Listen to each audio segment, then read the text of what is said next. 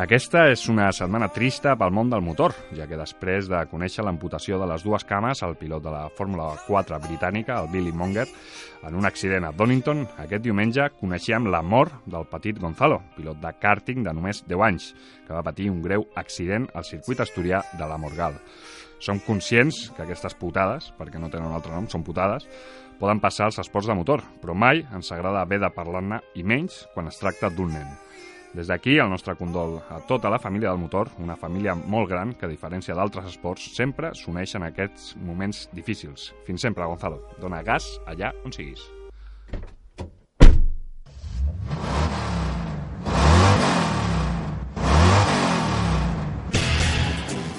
Peu al ferro.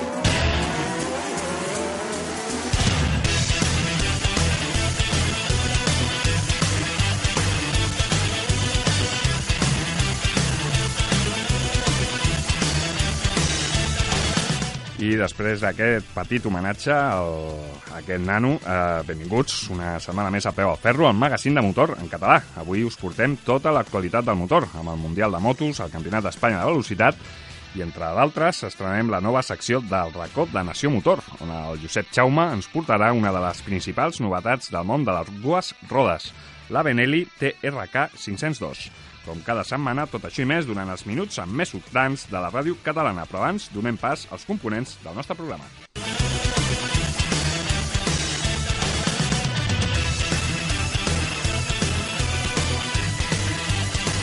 Arriba des de Girona i és la veu del motor en català, és la Patri Trapero.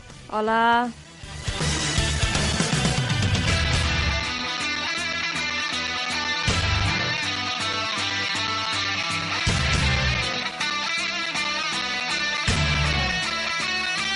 És l'home de Sant Vicenç de Montal, és el Jorge González. Hola. Ens va visitar la setmana passada al programa i li va agradar, pel que l'incorporem definitivament al nostre staff. És el Marc Calvo, el nostre especialista en imatge que ens arriba des de l'agència MS2 Visual. Benvingut a Peu al Ferro, Marc. Hola. Com sempre, al darrere del vidre, en el control de la tècnica castellà, tenim el Kaiser Salva Soler i a Ràdio Sambi el Gabriel Murga. I qui us parlarà durant els pròxims minuts de motors, un servidor, l'Albert Sant Andrés, amb molta benzina al cos i amb el peu al ferro.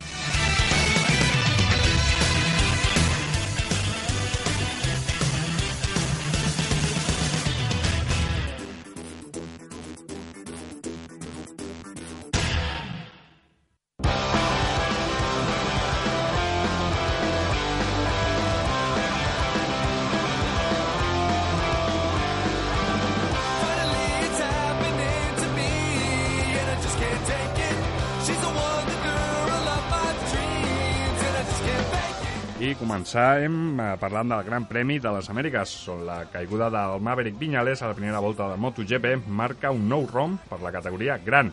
Romano Fenati, Franco Morbidelli i el mariscal Marc Márquez van ser els herois al circuit d'Austin. Efectivament, de les dues primeres curses del campionat havíem tingut la repetició dels campions amb, amb aquells, el Joan Mir, el Franco Morbidelli i el Maverick Viñales i això ha canviat eh, definitivament d'Austin i és que, per exemple, comencem per Moto3 en allà semblava que Aaron Canet seria qui guanyaria aquesta cursa perquè estava dues passes per, per davant de la resta de pilots, però finalment... Bueno, la cursa va ser complicada perquè va haver-hi una caiguda de Kaito Toba que va obligar a treure bandera vermella quan portaven dues voltes, per tant, després van haver de, de reiniciar la cursa, com que no havia arribat a, a tres voltes, doncs era com si no s'hagués disputat la primera, i el, en la primera cursa doncs, l'Aaron Canet s'havia escapat, ja portava més d'un segon de distància en aquell parell de voltes, i estava clar que s'escapava, i com, com era de preveure, perquè a tots els entrenaments havia estat molt fort, i en canvi en la segona cursa que, que es va fer, doncs el, el Romano Fenati se li va, se li va enganxar i, i a més com que anava a, a intentar que no s'escapés, a molestar-lo, diguem-ne, a intentar-lo avançar eh, contínuament, tot i que la veritat és que el Canet no és que anés més lent que la primera, és que el Romano Fenati no sabem molt bé per què, però a la segona no sé si és que fixant-se amb l'Aaron Canet va entendre bé les traçades, però en la segona cursa va, va tenir el mateix ritme que l'Aaron Canet i en, en, en una petita errada de l'Aaron Canet doncs va patir un high side, va sortir volant per orelles i una caiguda molt dura, no només físicament, afortunadament sembla que no massa seriosa, però sobretot anímicament molt, molt dura perquè era una cursa que era seva, sens dubte.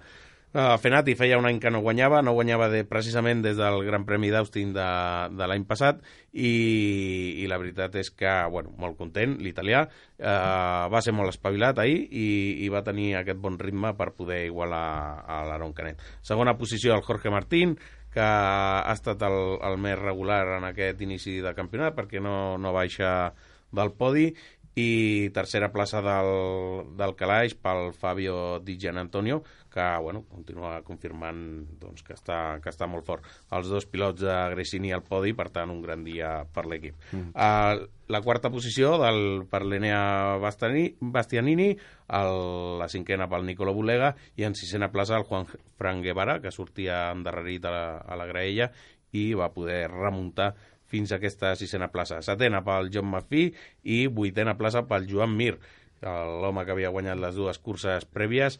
Ell sempre ho deia, que té tatxat aquest, eh, aquest circuit en el calendari, és el que pitjor li va, i per tant donava fins i tot per bo aquest resultat. Novena posició per Philip Hotel, desena per Darren Binder i després pel darrere doncs, en onzena el Gabri Rodrigo, en la setzena el Marco Ramírez, en, en la 21ena l'Albert Arenas, la 22ena Maria Herrera i en la 28a plaça i últim en la classificació el pilot wildcard el Gabriel Martínez Abrego que feia un, el segon wildcard d'un pilot mexicà al Mundial i el segon d'ell també, perquè de fet va ser, va ser ell mateix el que va debutar com, com a mexicà. Correcte, el Gran Premi de l'Aragó l'any sí, passat, sí. un pilot habitual del FINCEP, del Mundial Júnior, i doncs, que ja ha fet aquests dos wildcard i a veure si, si l'acabem veient al Mundial. Passem a Moto2, un Franco Morbidelli intractable, intractable en primera posició, i bueno, una cursa que potser va ser massa tranquil·la no? l'esperava una mica més moguda i després eh, va fer aquella escapada d'Àlex Márquez que es va sortir de la traçada i sembla que a partir d'allà ja es va quedar com més tranquil·let tot eh, no sé, no? va ser una mica una mica diferent, no? Mor Morbidelli està en fire, està fortíssim, no hi ha qui, qui el pari, i, i bueno, en aquest cas el, el semblava que l'Àlex Márquez podia donar-li una miqueta de guerra, però, com tu bé, bé dius, doncs va patir una errada, va ser que en una apurada frenada li va entrar un punt mort, i, i clar, al faltar-li la retenció del motor doncs es va anar llarg, afortunadament va saber obrir la traçada per tal de no caure i bueno, va tornar a pista, després va, va patir molt de mal al, a l'avantbraç, eh, ell ja es va operar eh, aquest hivern per aquest problema, però bueno, es veu que la, la recuperació o la solució total no és immediata, sinó que requereix de temps, i va patir una mica de problema i ja va perdre ritme, un Àlex Márquez que tot i així doncs, fa aquest, aquest bon resultat, que és un quart, i és que quan vols ser campió el que has de fer és, és puntuar en les màximes curses possibles i, i bueno, sembla que va, va prendre la lliçó de, del Gran Premi d'Argentina, tot i que ell diu que va quedar més content del Gran Premi d'Argentina precisament perquè lluitava per guanyar que en aquesta cursa que es va veure obligat a conformar-se amb la quarta posició. Com dèiem, victòria del Morbidelli, que està en fire, l'únic que ha repetit, eh, ja porta tres curses, tres victòries, segona posició l'Etern Luti, a tercera el Takaki Nakagami, que finalment va ser capaç d'avançar l'Àlex Márquez, la cinquena per Dominica Gerter, la sisena per Miguel Oliveira, que semblava que tenia una miqueta més de potencial per aquesta cursa, uh, la setena per Simone Corsi, la vuitena per Marcel Schrotter i la novena per Xavi Vierge. Una eh? gran novena posició. Sí, tot Xavi. i que ell reconeix que va tenir un gran premi bastant complicat i per tant deia, bueno, si, si els grans premis que, este, que ho tinc molt complicat doncs acabo novè, doncs ho, ho donem per bo. Eh? El Luca Marini va completar el, el top 10 i després ens anem a la 14a posició per veure el Ricky Cardús, impressionant lo de, lo de Ricky Cardús, que estava substituint el, el Brad Binder amb la KTM oficial, i la veritat és que ens deixa sempre bocabadats el, el Ricky perquè, perquè té un rendiment als entrenaments, va destacar molt, després el mateix va tenir alguna petita incidència a la cursa i això el va fer perdre posicions, si no hagués quedat encara més destacat. La veritat és que té un gran nivell el Ricky, cada vegada que apareix al Mundial de Moto2 doncs així ho demostra. Quinzena posició pel Jorge Navarro, que no estava content en la posició, però bueno, donava per bo el pas per, per Austin, la 17a per l'Isaac Viñales, la 18a per l'Axel Pons, i ens quedem ja després amb l'Edgar Pons, que no va poder acabar la cursa.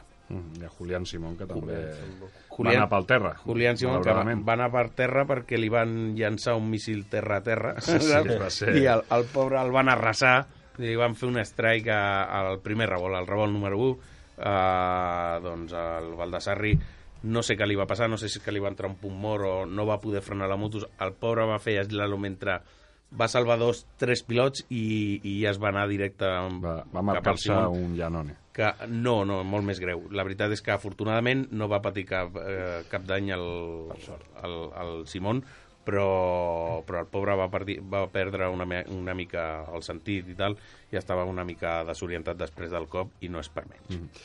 Passem a la categoria gran, MotoGP, on potser és la categoria on més sorpreses hi va haver, perquè aquesta enèsima victòria de Marc Márquez al circuit de les Amèriques, que és el seu circuit, ho ha aconseguit sempre ell. Sí, cinc, ningú cinc, té... cinc victòries, ningú... però perquè exacte. és que només ha corregut cinc vegades. Sí, sí, exacte. Uh, les nou últimes vegades que s'ha disputat una cursa als Estats Units ha guanyat Marc Márquez, per tant, impressionant. Ell ha guanyat també a, a Indianapolis i a, i a les a Laguna Seca.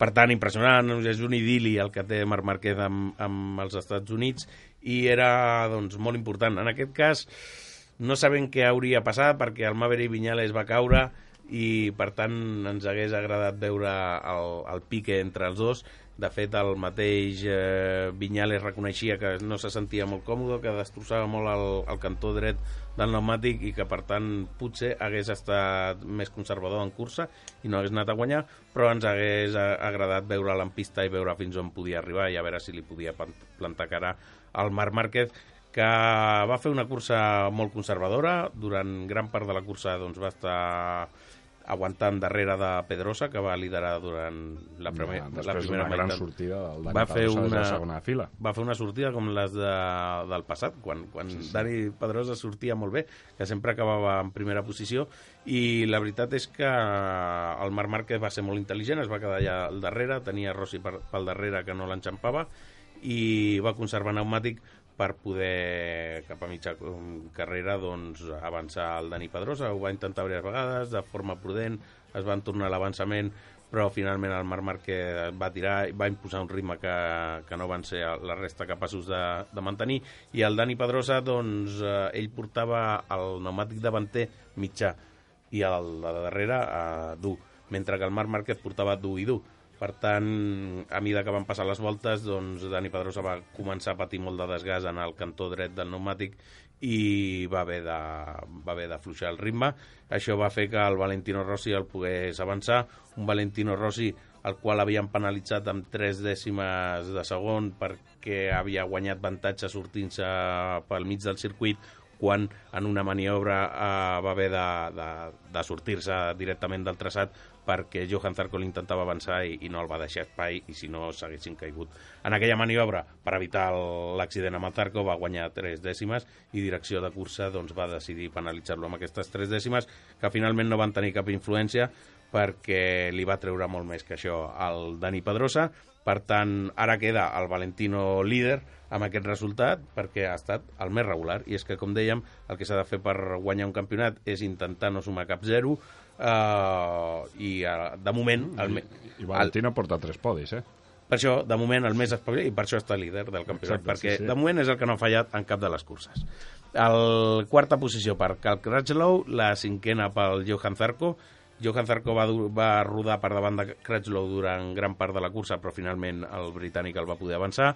I, bueno, molt bona cursa també el Zarco, que, com dèiem, això va atacar Rossi fins i tot, però finalment a, a, cap al final de la cursa va, va, va perdre una miqueta de ritme. Es va haver de conformar en aquesta cinquena posició. La sisena per Andrea Dovizioso que bueno, va ser la, la, millor, la millor Ducati i després Andrea Iannone amb setena plaça, vuitena per Petrucci i novena per Jorge Lorenzo, que va estar durant tota la cursa doncs, en posicions eh, més davanteres, però cap al final va perdre prestacions i va caure fins a la novena plaça, però va deixar bastantes bones sensacions. O sigui, el seu rendiment durant la cursa va ser molt bo i, o, o molt decent, diguem-ne. No, per tant... Sí, va, pro progressa adequadament, no? Sí, a sí respecte al, a la mala sort que va tenir en les dues primeres curses, tot i que a Qatar doncs eh, la veritat és que després de colar-se va, fer, va tenir bon ritme, però clar, la caiguda en el primer revolt a l'Argentina doncs, doncs va deixar molt, molt mal sabor de boca i en canvi en aquesta cursa el Lorenzo es va mostrar competitiu, bueno, encara en dificultats, però continua progressant i sortia des de la sisena posició, va aconseguir la sisena plaça de Graella, bueno, la veritat és que sembla que, que va millorant i ja es va adaptant a la moto. Uh, el top 10 el va tancar el Jack Miller, i el, en tretzena posició va finalitzar el Tito Rabat, que va enxampar així tres puntets, la catorzena va ser per l'Héctor Barberà i la quinzena per l'Àlvaro Bautista, que tot i que va patir una caiguda, eh, es va reincorporar a la cursa i va enxampar aquest puntet. Per al darrere el Bradley Smith en la 17a posició i la 17a va ser per l'Aleix Espargaró, que va estar parat a boxes durant diverses voltes perquè la seva moto no funcionava, li van canviar el pneumàtic davanter i fins i tot eh, crec que el disc de fre, ho dic ara de memòria, i va tornar a sortir a pista i va acabar la carrera com... Segueix barallant, barallant com amb aquesta Aprilia per treure-li treure-li rendiment. Sí, i la veritat és que ho estava fent molt bé fins ara i, i estava traient molt bon resultat i segur que continua així. El seu germà va trencar el motor de la KTM, el Pol Espargaró, i com dèiem, aquesta caiguda de Vinyales que li dona un cop de teatre al campionat perquè semblava que estava... Ja igualat a ceros el, el Marc Márquez. I a Dani Pedrosa. I, Dani Pedrosa. I ara sembla que dels que lluiten pel títol només queda el Rossi, que, que és el, el Rossi, exacte, és que, que, que ja veurem, que ja veurem com, com funciona això. Doncs la pròxima cursa arriba ja a Europa, molt a prop nostre, aquí al circuit de Jerez, el pròxim 7 de maig. Circuit Rossi, circuit Rossi, totalment. Circuit molt Rossi, però, però bueno, haurem de veure... Haurem d'esperar, sí, a veure... Sí. La veritat és que aquesta ha estat la primera vegada que Vinyales ha, ha fet una mínima errada des de tota la pretemporada fins a les uh, dues curses que ja portaven. Per tant, no sé jo si veig a, a Rossi guanyant a Vinyales a Jerez. Eh? No, I... no ho veig. Jorge, en primer cas, què esperes al Jorge Lorenzo? I després, què esperaríem del Johan Zarco? Perquè l'hem vist a les tres primeres curses, molt fort, eh, està a totes les curses davant, està lluitant amb els primers, amb Rossi, amb Márquez, amb Viñales. Què esperes tu d'ell? Bueno, doncs que estigui, que estigui en aquest grup perseguidor, segurament en, en curses concretes igual pot fer un podi, però la veritat és que... Li costarà el... per ser el primer any. Bueno, li, no, li costarà i el segon i el tercer, clar. Si t'has d'enfrontar amb, amb Rossi i Vinyales, amb la mateixa moto però una miqueta millor, ja ho tens difícil.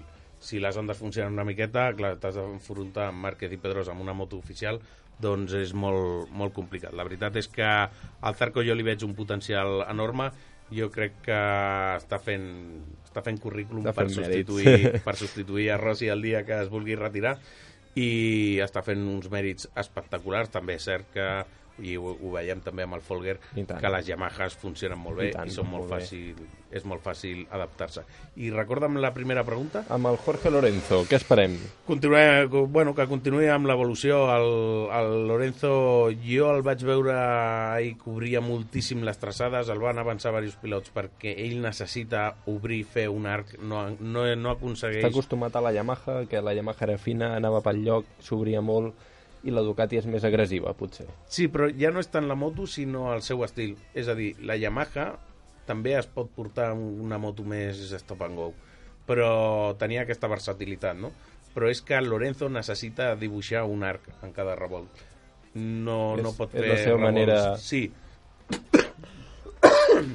Veurem Perdó. Jerez. Uh, I la veritat és que es veu que el seu pare s'obsessionava molt amb això del, del, del pas per corba i, i és algo que Lorenzo jo crec que té en el seu ADN muter i per tant doncs... Veurem a Jerez aviam què fa, aviam si ens sorprèn veurem.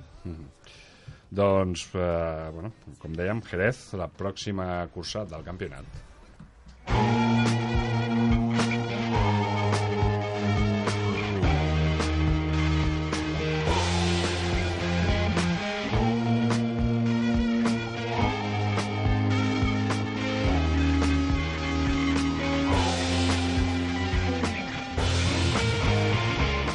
Seguim amb motos, més motos, perquè aquest cap de setmana va començar el Campionat d'Espanya de Velocitat, un rejuvenit Campionat d'Espanya de, de Velocitat amb aquesta mm, potenciada categoria de Superbikes. No? Eh, tots els pilots del FinCEP eh, Repsol pràcticament van, van canviar aquest altre campionat i això ha fet que veiéssim les graelles de més de 30 pilots de, de totes les categories. Doncs sí, la veritat és que el, el Campionat d'Espanya de, de Velocitat ara està revifat amb aquesta desaparició, desaparició de la categoria de Superbikes del, del Fincer Repsol i la veritat és que bueno, doncs hem vist el mateix, eh, el mateix duel que veiem sempre al FinCEP doncs aquest any l'hem vist al, al, al, al CEP de la Real Federació Espanyola de Motociclisme eh, amb el Maximilian Shape i el Carmelo Morales en aquest cas eh, s'ha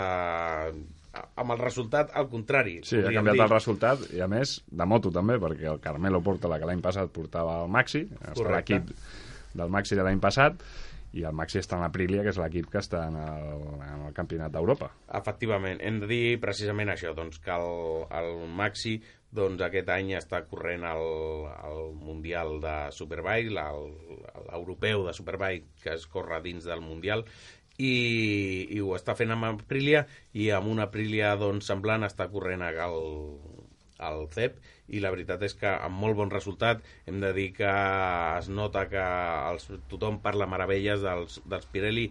Sembla que són unes gomes que s'adapten especialment bé a la cursa de, ai, al circuit de València i, i es va notar perquè fins, si veiem que fins ara uh, era Maxi qui li costava enxampar el Carmelo Morales doncs aquí vam És al veure a les dues curses, tant a la primera com a la segona, com el Maximilian Shape sortia des de la pole i, i s'escapava eh, irremediablement i, i ningú era capaç de plantar-li cara. De fet, vam poder parlar amb el Maxi, un bon amic del, del nostre programa, que hem parlat moltes vegades amb ell, i ens alegrem de tornar a veure, perquè en principi no havia de competir en aquest campionat, però per sort, perquè és un gran pilot, el tenim aquí.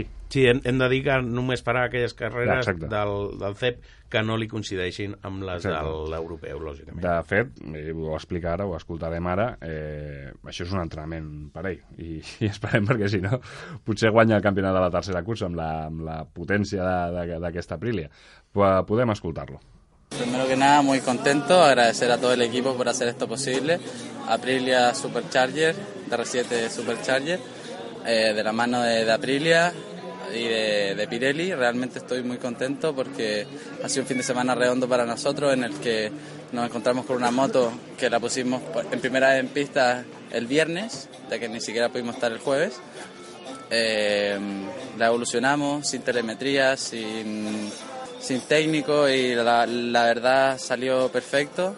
Hicimos un, gran trabajo entre, entre el gran grupo humano que, que tenemos y lo que decías tú, eh, se está cumpliendo el objetivo, estoy entrenándome ya que el próximo fin de semana tenemos, tengo carrera en Asen y esto me viene clavado para, para poder mejorar y sentirme excelente el próximo fin de semana, que es lo importante para mí. El que explicava, no?, el, el Maxi Shape, que la pròxima setmana va a Assen amb, amb aquesta Aprilia, no la mateixa que va córrer, eren molt semblants però no era la, la mateixa, i que és la, evidentment és la, la seva prioritat. Correcte. Eh, vam parlar també amb el Carmelo Morales, el segon en qüestió, l'actual campió, bicampió d'Europa dels últims dos FIM CEP Repsol. De fet, té sis campionats d'Europa i quatre nacionals. És un dels pilots amb més títols de, de la història del motociclisme espanyol. És que està a l'alçada del, del Ricardo Tormo, de, de, de l'Àngel Nieto i de tota aquesta gent, eh? que déu nhi un palmarès així. Un I, clàssic. I vam poder parlar amb ell i això és el que ens va dir. Bueno, contento, ya, ya sabíamos lo que nos esperaba, ¿no? Que, que nuestro rival tenía o- otro ritmo y bueno, hemos intentado, hemos intentado eh, buscar algo, algo de mejora. O sea, hemos conseguido algo más de constancia, ¿no? Pero no hemos acabado de ir todo rápido que, que nos hubiese gustado para ir más cerca de Maxi. Pero bueno, eh, hay que conocer más la moto, hay que conocer más los neumáticos y bueno, hay que seguir trabajando. Eh, hay que estar contento porque, porque me siento bien con la moto, me siento bien con el equipo y, y- eso es lo que importa, ¿no? Una bona notícia, això que deia el Carmelo, que es sentia molt còmode amb els Dunlop, perquè recordem, aquest és un campionat també amb pneumàtics eh, de lliure elecció, o sigui, amb diverses marques, Michelin, eh, Dunlop, eh, Pirelli i Bridgestone, en el cas de, de que algú s'equipi, i mm, sembla que, com deies abans, Jorge, els Pirelli funcionaven força bé, no? Al, almenys al Maxi li van funcionar bastant bé i tots els pilots que equipaven Pirelli, de fet, van, van fer bones posicions. espectacularment bé. Haurem de veure en altres, pilo... ah, i en altres circuits, però, però aquí, bueno, és el subministrador també del Mundial de Superbike, no sé si, si és que tenen aquest producte com més afinat, però la veritat és que impressionant el rendiment del Maxi amb els seus Pirelli. Fem un repàs de la resta de categories, un campionat que té moltíssimes categories. Uh, comencem, crec, per fèmines. Correcte, anem amb la carrera de fèmines on la Paquita Ruiz va guanyar la cursa, eh, perseguida per la Laura Martínez i l'Andrea Sibaja en el podi. Eh, en la segona cursa, perdó, amb la segona cursa els va, es va repetir la líder, la Paquita Ruiz, que va guanyar, amb Maria Cristina Juarranz, Juarranz de segona posició i l'Andrea Sibaja en la tercera. i un, una categoria que és íntegrament és històrica, una categoria íntegra de, de dones, i amb el que hi ha un equip, el, el del Champi Herreros, un, un mític de, de les motos, només format per dones. Un o sigui, equip fa sem- goig veure, veure només dones, amb mecànics, eh, telemètriques, una cosa que, que potser fa uns anys era impensable de fer, i avui dia mm, el Champi ha demostrat que es pot fer. es pot fer i amb totes les garanties. No només eh, hi han dones que es dediquin a, a pilotar, sinó també doncs, que els agrada la mecànica, que els agrada tant aquest món de competició. Passem ara a Stock 600, una de les altres categories, la categoria intermitja, eh, diguem-ne, d'aquest campionat. Sí, bueno, és tant Stock com, com Open 600, corren tots junts, i aquí l'Héctor Garzó doncs, ens ha sorprès amb aquest canvi de, de categoria, que ha començat liderant guanyant la primera cursa de, Open, de Stock Open 600. El Borja Quero va ocupar la segona posició i el Diego Pérez la tercera. I ara passem a una de les petites, a Moto4 i 85 GP. La, la petitona que tenen aquestes Moto4 i aquestes eh, 85 GP de dos temps, on Marcos Ruda va fer la primera posició, Daniel Muñoz la segona i Julen Ávila la tercera. Ens queda també ja la- l'altra petita, que és eh, Premoto 3, on tindrem un bon amic també del programa, la següent carrera, el que és el Max Sánchez, que no va poder participar aquí perquè no tenia l'edat de- per fer-ho, precisament. O sigui, perquè encara té 9 anys, aquesta setmana fa els 10, i per Barcelona sí que podrà estar. Ah, Aleshores l'esperarem l'esperarem a, la, a la pròxima Una de, cursa una de les grans promeses, a més, de- de- d'aquest país. i en aquí la primera en aquesta primera cursa de la temporada va guanyar l'Adrián Huertas amb segona posició del Pedro Acosta i tercera plaça pel barri Baltus. I amb aquesta ja finalitzem totes les categories, si no ens hem deixat cap. Crec que ens no. hem deixat la de clàssiques, però bueno, aquest és un campionat eh, una mica diferent, que participa només en algunes, però bueno, també molt de goig veure aquells dos temps, aquell oloreta al circuit de, Sens dubte. dels dos temps, voltacos, impales, i Déu-n'hi-do. Déu Osses i de més, sí, grans Doncs- màquines. Trobava a faltar. La propera cursa serà a finals de maig al circuit de Barcelona-Catalunya.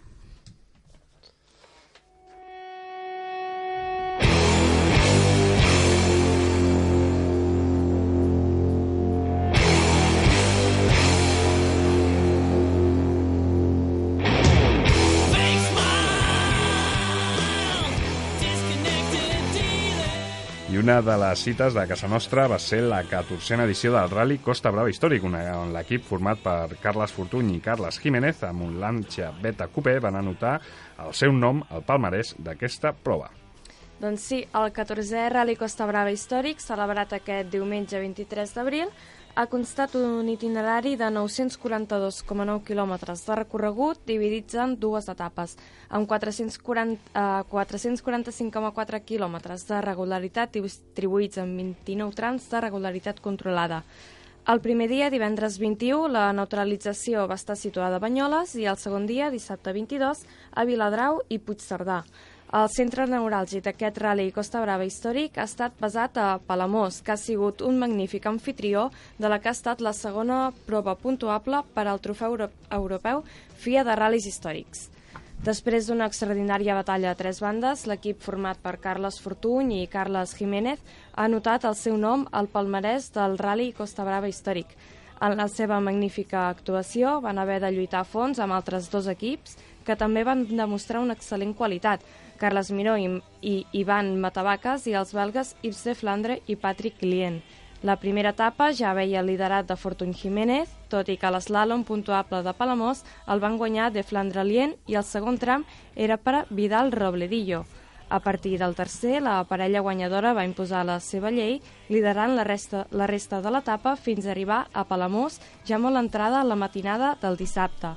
La resta de places provisionals en el top 5 eren per De Flandre Lien, Miró Matavacas, José Luis Marcó, Mònica Pérez Zorrilla i Juan Luis Redó, Toni Moragas, tots ells consumats, consumats especialistes en la matèria.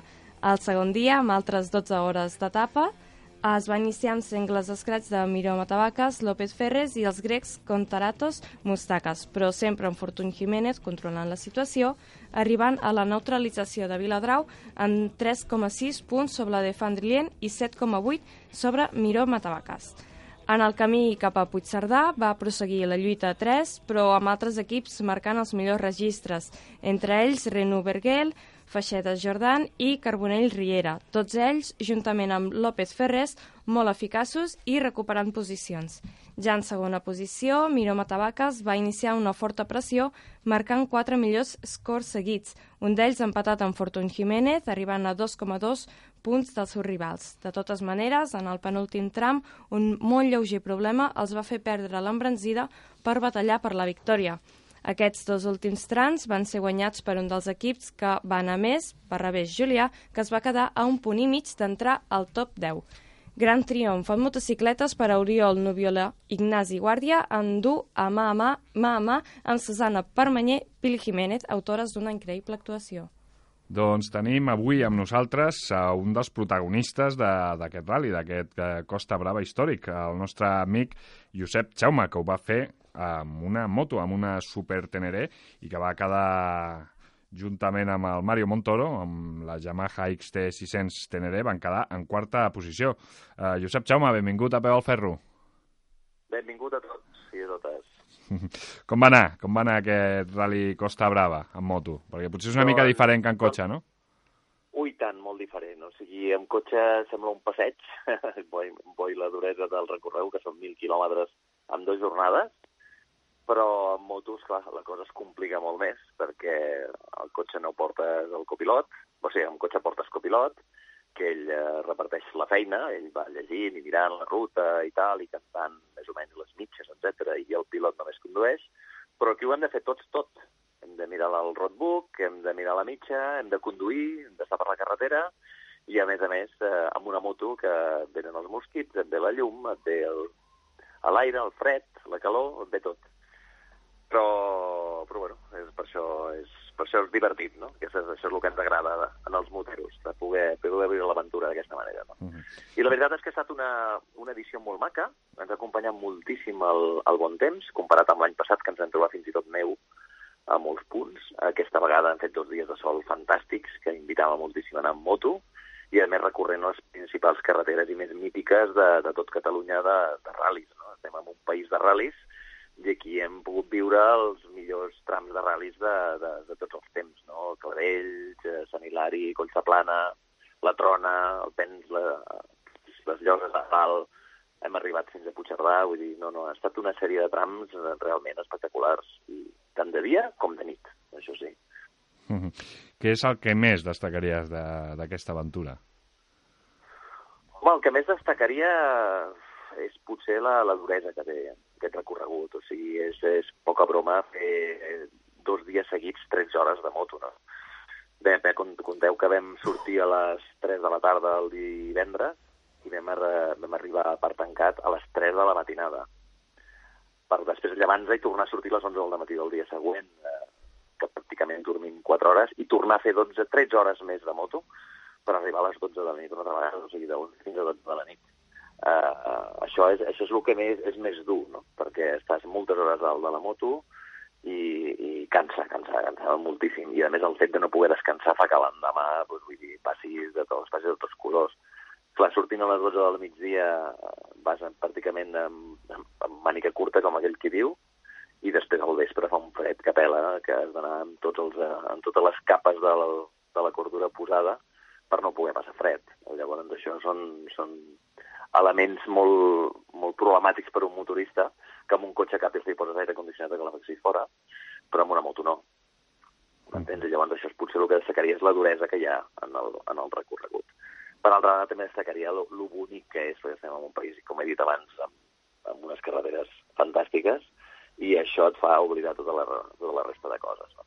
Uh -huh. Una altra cosa que m'ha agradat molt és el bon companyerisme que hi ha entre tots els, els participants en moto que, ha, que, que havia. No eren masses, érem set equips el primer dia, que després s'hi van afegir uns quants més amb impales el segon dia, al final vam, vam ser 12 o 13 equips, però, però el bo és el bon rotllo que hi ha entre tots i que tots s'ajuden, o sigui, no hi ha una rivalitat marcada i ferotge sinó que realment és com una gran família que estem disfrutant de la regularitat i del rally. -huh. I veient la, la classificació d'aquesta cursa es veu que les motos, la, almenys les sis primeres, les més competitives, per dir-ho d'alguna manera, són totes uh -huh. motos, motos trail. Antigues sí. totes, el Dominator, per exemple, hi ha, hi ha un parell, una sí. BMW, una 100 GS, la vostra, la, la, la XT600 Teneré, i una Honda sí. XL 600 és la moto ideal, no?, per fer aquest tipus d'aventures. Sí, sí, sí, suposar, la moto trail és la moto ideal perquè és una moto còmoda, és una moto que, que eren potents en aquella època. Compte que la, la parella que normalment sol guanyar aquest rally, aquesta vegada va tenir que sortir en cotxe perquè un dels dos es havia fet mal a un braç, eh, en Tibau Martí, que són ja dos, dos mites amb el, teu, amb el tema de la regularitat en moto, han sigut gent que han arribat a guanyar trams davant dels cotxes amb les seves motos, o sigui, a un nivell altíssim, i, i la veritat també ells han, també han passat amb, per diferents tipus de motos i al final han acabat també en mototrail perquè són ràpides, són còmodes, són molt àgils amb les carreteres revirades i si hi ha trams, com hi ha hagut aquest any, amb trossos amb terra, no pateixes, perquè tens un bon recorregut de suspensió, més confort, a més admeten molt més equipatge, ja que, per lo que hem dit abans, que ens hem d'anar traient i posant roba, depenent del fred o la calor. La moto trail és la moto ideal per fer aquest tipus de recorreguts. Això no treu que puguis participar en alguna altra moto. De fet, hi havia impales i hi havia dos participants amb dues vespes. Uh -huh. I, I van acabar el recorregut, que això té un mèrit que impressionant, però en motos que la punta en els enllaços no passaven de 80 km per hora. Doncs fer 1.000 km a aquest ritme és duríssim. I a més amb una moto com la és una moto urbana, no? Sí, sí, sí. sí, sí, sí. Va tenir un mèrit impressionant, però els vam trobar a l'arribada. O sigui, com tots, com dos campions allà a l'arribada. Uh -huh. La moto trail és l'ideal, evidentment, i és la, perquè és la més confortable, però que és apte a tot tipus de moto històrica, en aquest cas. Uh -huh. Doncs uh, seguirem, seguirem parlant en uns minuts en, el, en la nova secció d'aquest programa, en el racó de Nació Motor, que tu mateix seràs el que ens presentis una, una nova novetat del mercat, que és una trail, també, la Benelli TRK 502. Sí. Així que sí, sí. d'aquí uns minuts tornem a connectar amb tu i ens expliques com va funcionar aquesta moto. Encantat, d'aquí uns minuts ens veiem.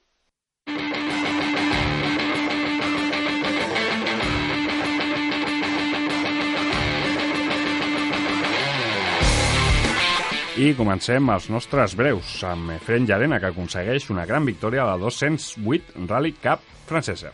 Sí, és que el pilot de Burgos i la seva copilot, Sara Fernández, han aconseguit la segona victòria de la temporada al Rally de Lyon-Chabonneries per només 8,2 segons sobre el segon classificat. El proper rally és el del certamen es disputarà el cap de setmana del 3 i 4 de juny. Fernando Alonso visita la Sindicar a Barber, Alabama. Doncs sembla que l'Astorià té ganes de pilotar el monoplaça d'Andretti perquè, a part d'anar a Bàrbara a seguir les evolucions del que serà el seu equip per les 500 milles d'Indianàpolis, va pujar al cotxe i després va oferir una roda de premsa. Motivat i amb ganes que arribi el 28 de maig, va afirmar que ara mateix no està a punt, però que en tres setmanes ho estarà, així que caldrà estar atents i ser pacients. Els de KTM van ser els més forts a les respectives categories del Mundial d'Enduro. Doncs Josep Garcia eh, ha sigut la sorpresa al dominar durant tota la jornada de dissabte la categoria d'Enduro 2, tot i caure la segona passada de l'Enduro Test. Per sort va aixecar-se i controlar l'avantatge de la que disposava. Diumenge, per això, no van anar tan bé les coses, on va acabar cinquè per problemes mecànics. Per la seva banda, la Laia Sanz va començar el campionat com va acabar el passat, amb dues clares victòries sobre l'alemanya Mari... Maria Frank i Janiel Jan Daniels. Cal recordar també que a la cursa de dissabte Frank va disposar de les coses difícils a la pilot catalana, sobretot a l'atacar-la i, com és habitual, la Laia Sanz es va imposar. El proper Gran Premi serà el circuit italià d'Espoleto els dies 26, 27 i 28 de maig. El grup d'estratègia de la Fórmula 1 analitzarà com ajudar a l'equip Honda. Després de la imatge desastrosa que, que han donat els primers Gran Premis de la temporada, el grup d'estratègia de la Fórmula 1 valorarà si han d'ajudar Honda a millorar el seu rendiment. La FIA va dir que analitzarien el potencial de cada motor després de les tres primeres curses del 2017 i si la diferència superava els 0,3 segons en simulació al circuit de Barcelona-Catalunya, se li demanaria al grup d'estratègia que intervingués. Aquí també haurem d'estar atents. Exacte.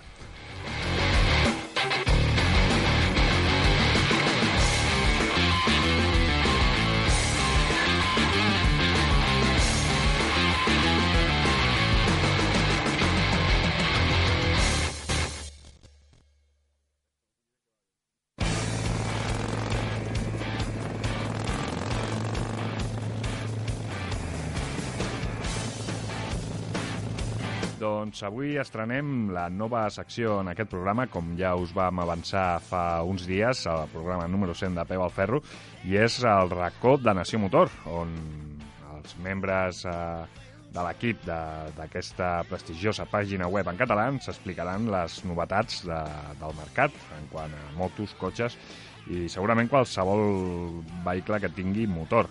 Avui tornem a tenir el Josep Jaume, qui hem parlat fa uns minuts de, del Rally Costa Brava històric, i ens portarà, com avançàvem abans, la Benelli TRK 502. Uh, Josep. Correcte. Sí. Què ens pots explicar d'aquesta moto? Aquesta trail, com Home, parlàvem abans a l'Estrail. Mm. Home, d'entrada eh, estem parlant d'una Benelli, una, una, una marca que, que per molts és mítica per, per la seva història, malgrat que ara eh, d'italiana només hi té el disseny, com aquell que diu, perquè és fabricació japonesa, va ser una marca comprada per una multinacional japonesa, eh, però de les que fan motos eh, ben fetes dintre del Japó. Hi ha diferents nivells d'acabats i ells són dels que fan les motos ben fetes. Llavors, eh, aquí Benelli eh, té una, una especial importància aquest model que vam anar a provar a Itàlia, la TRK 502, perquè és un model que aquesta marca tan, tan prestigiosa com hem dit, s'està jugant al seu futur. Ells van començar fent eh, motors naked i motos urbanes, etc amb clares connotacions eh, molt iguales a moltes motos que ha al mercat, que recordaven a moltes motos de mercat, de cilindrades 125 i 300, amb algunes 600 per allà al mig, però realment el salt més important i qualitatiu està en el segment que hi ha més vendes, que és precisament en el segment trail. Llavors, aquesta moto té una especial importància per dues coses. Primera, perquè s'estan jugant el seu prestigi i el seu futur. I segona, perquè és, és una moto eh, de 500 centímetres cúbics que serà apta per molts usuaris del carnet A2, amb el qual un segment nou eh, no cal que et compris una gran maxi trail per començar a viure l'aventura, ni esperar-te a tenir el carnet A, el, el, el gros, per dir-ho d'una manera, per poder viure, començar a viure aventures. Llavors, això pot suposar l'accés a, a la carretera i a, i a sortir els caps de setmana a molta gent que està entrant una altra vegada en el, o, o retornant o entrant per primera vegada en el tema de les motos a, a carretera. I aquesta és l'especial importància i el fet de perquè a Nació Motor vam, vam tenir tanta insistència en poder pujar-nos amb una moto d'aquestes per, per, per el que suposava, diguem-ne, no? De fet, expliques que és la, la moto, com deies ara, la moto ideal pels que comencen pel, pel carnet d'A2, uh, sí. per ser una moto per cavalls amb 47 cavalls i mig, al límit de, sí, de la 2. Sí, sí. Una, sí. la moda aquesta Maxi Trail d'ara, motos molt còmodes, com ja sabem. Soc un gran... Sí. Aquí en aquest programa, de fet, som grans seguidors d'aquest tipus de motos, de fet són les que tenim, bàsicament. Eh, eh, sorprèn precisament aquesta moto per l'estètica, no? Una estètica agressiva, una estètica compacta que es veu... Bueno, mm, si no t'ho diuen que és una 500, potser és difícil no? de, de donar-te'n estèticament, perquè es veu gran la moto.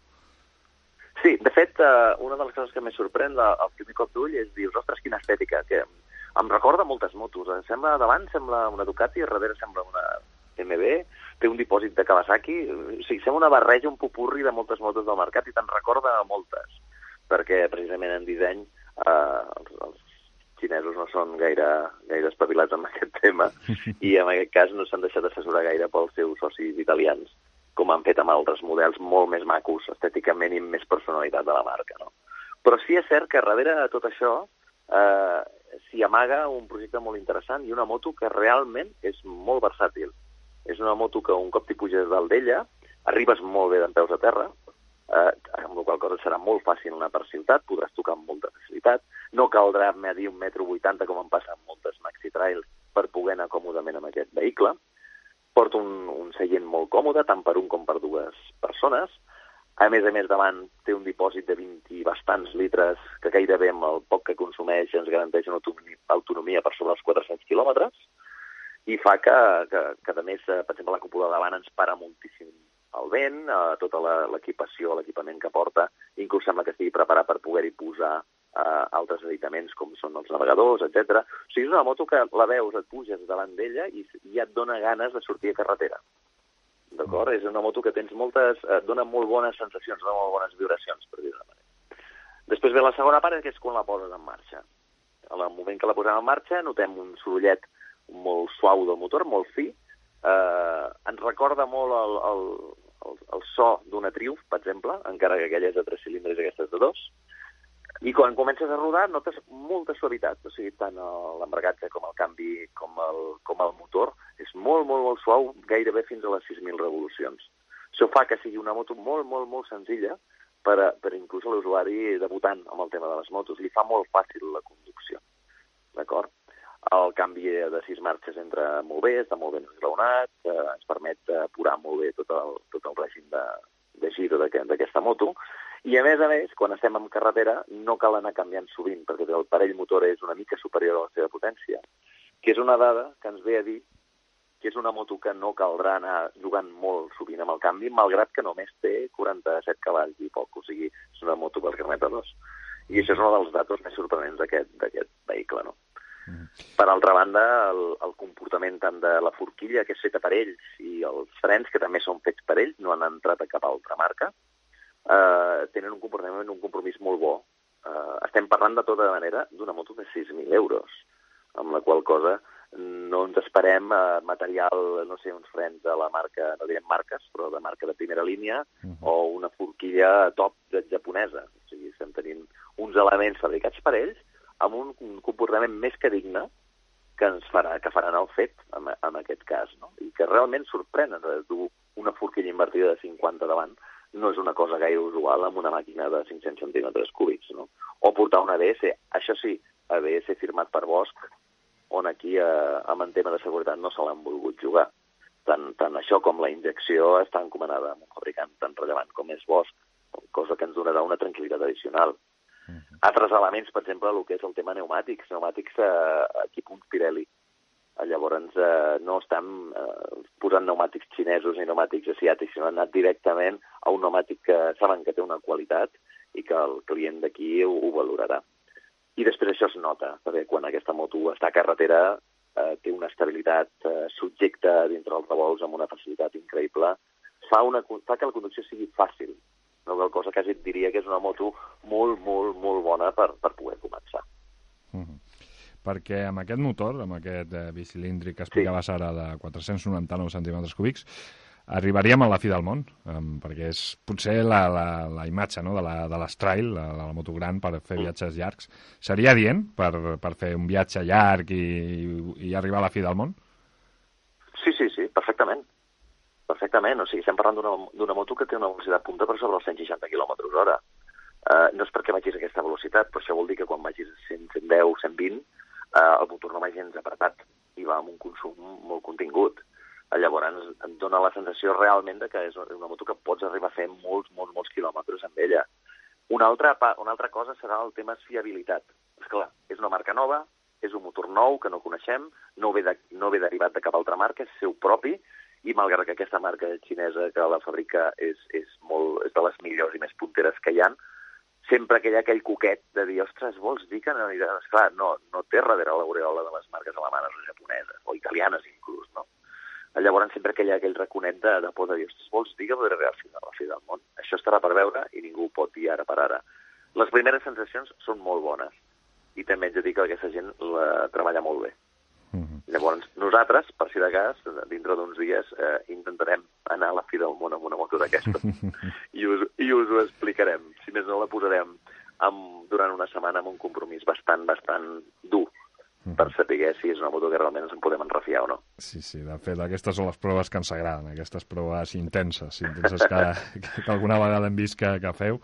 Eh, quins sí. són els punts forts que destacaries eh, d'aquesta moto?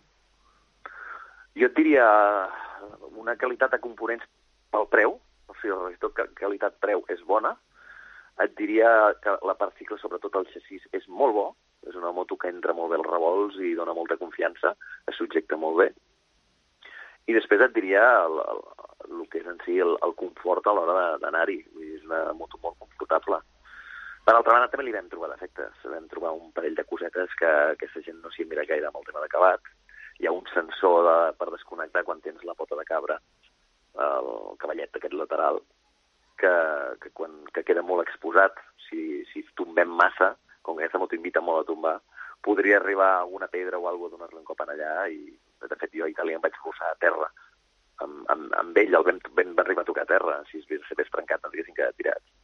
Després que l'escapament va per sota, llavors això ens priva de posar un cavallet central, per exemple. Que això és una, un element que agrada molt a la gent trail, sobretot si vas por ahí i tens que, tens que arreglar una roda, una punxada, el que sigui, necessites aquest cavallet central per subjectar bé la moto no? i poder-la carregar.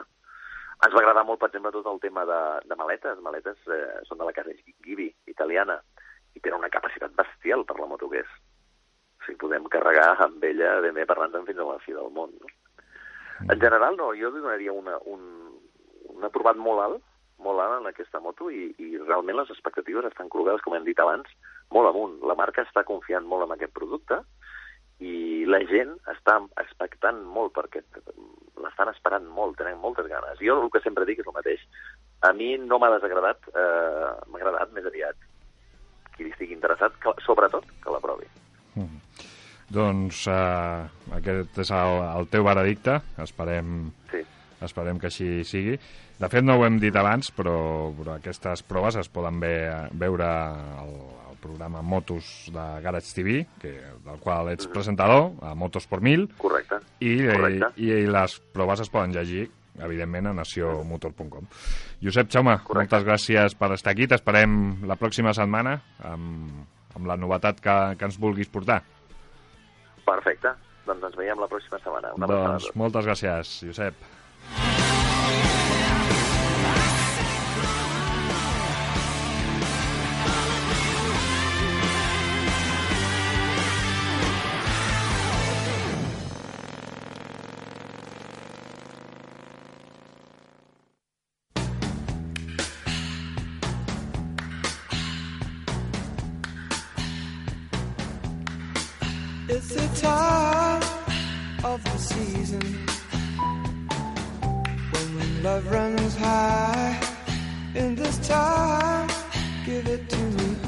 Doncs amb el Time of the Season dels Zombies eh, marxem fins la pròxima setmana. Recordeu que ens podeu tornar a escoltar al nostre podcast, que el trobareu a la pàgina web peualferro.cat o a qualsevol plana web de les nostres emissores, a més de nacionmotor.cat. Uh, estem a facebook.com barra peu al ferro i a Instagram i Twitter amb l'usuari arroba peu al ferro. A la locució avui hem tingut el Jorge González, la Patri Trapero i el Marc Calvo. El control de la tècnica, el Salva Soler i el Gabriel Murga i a la producció i conducció qui us parla, l'Albert Sant Andrés. Bona sort i peu al ferro. Adeu. Adeu.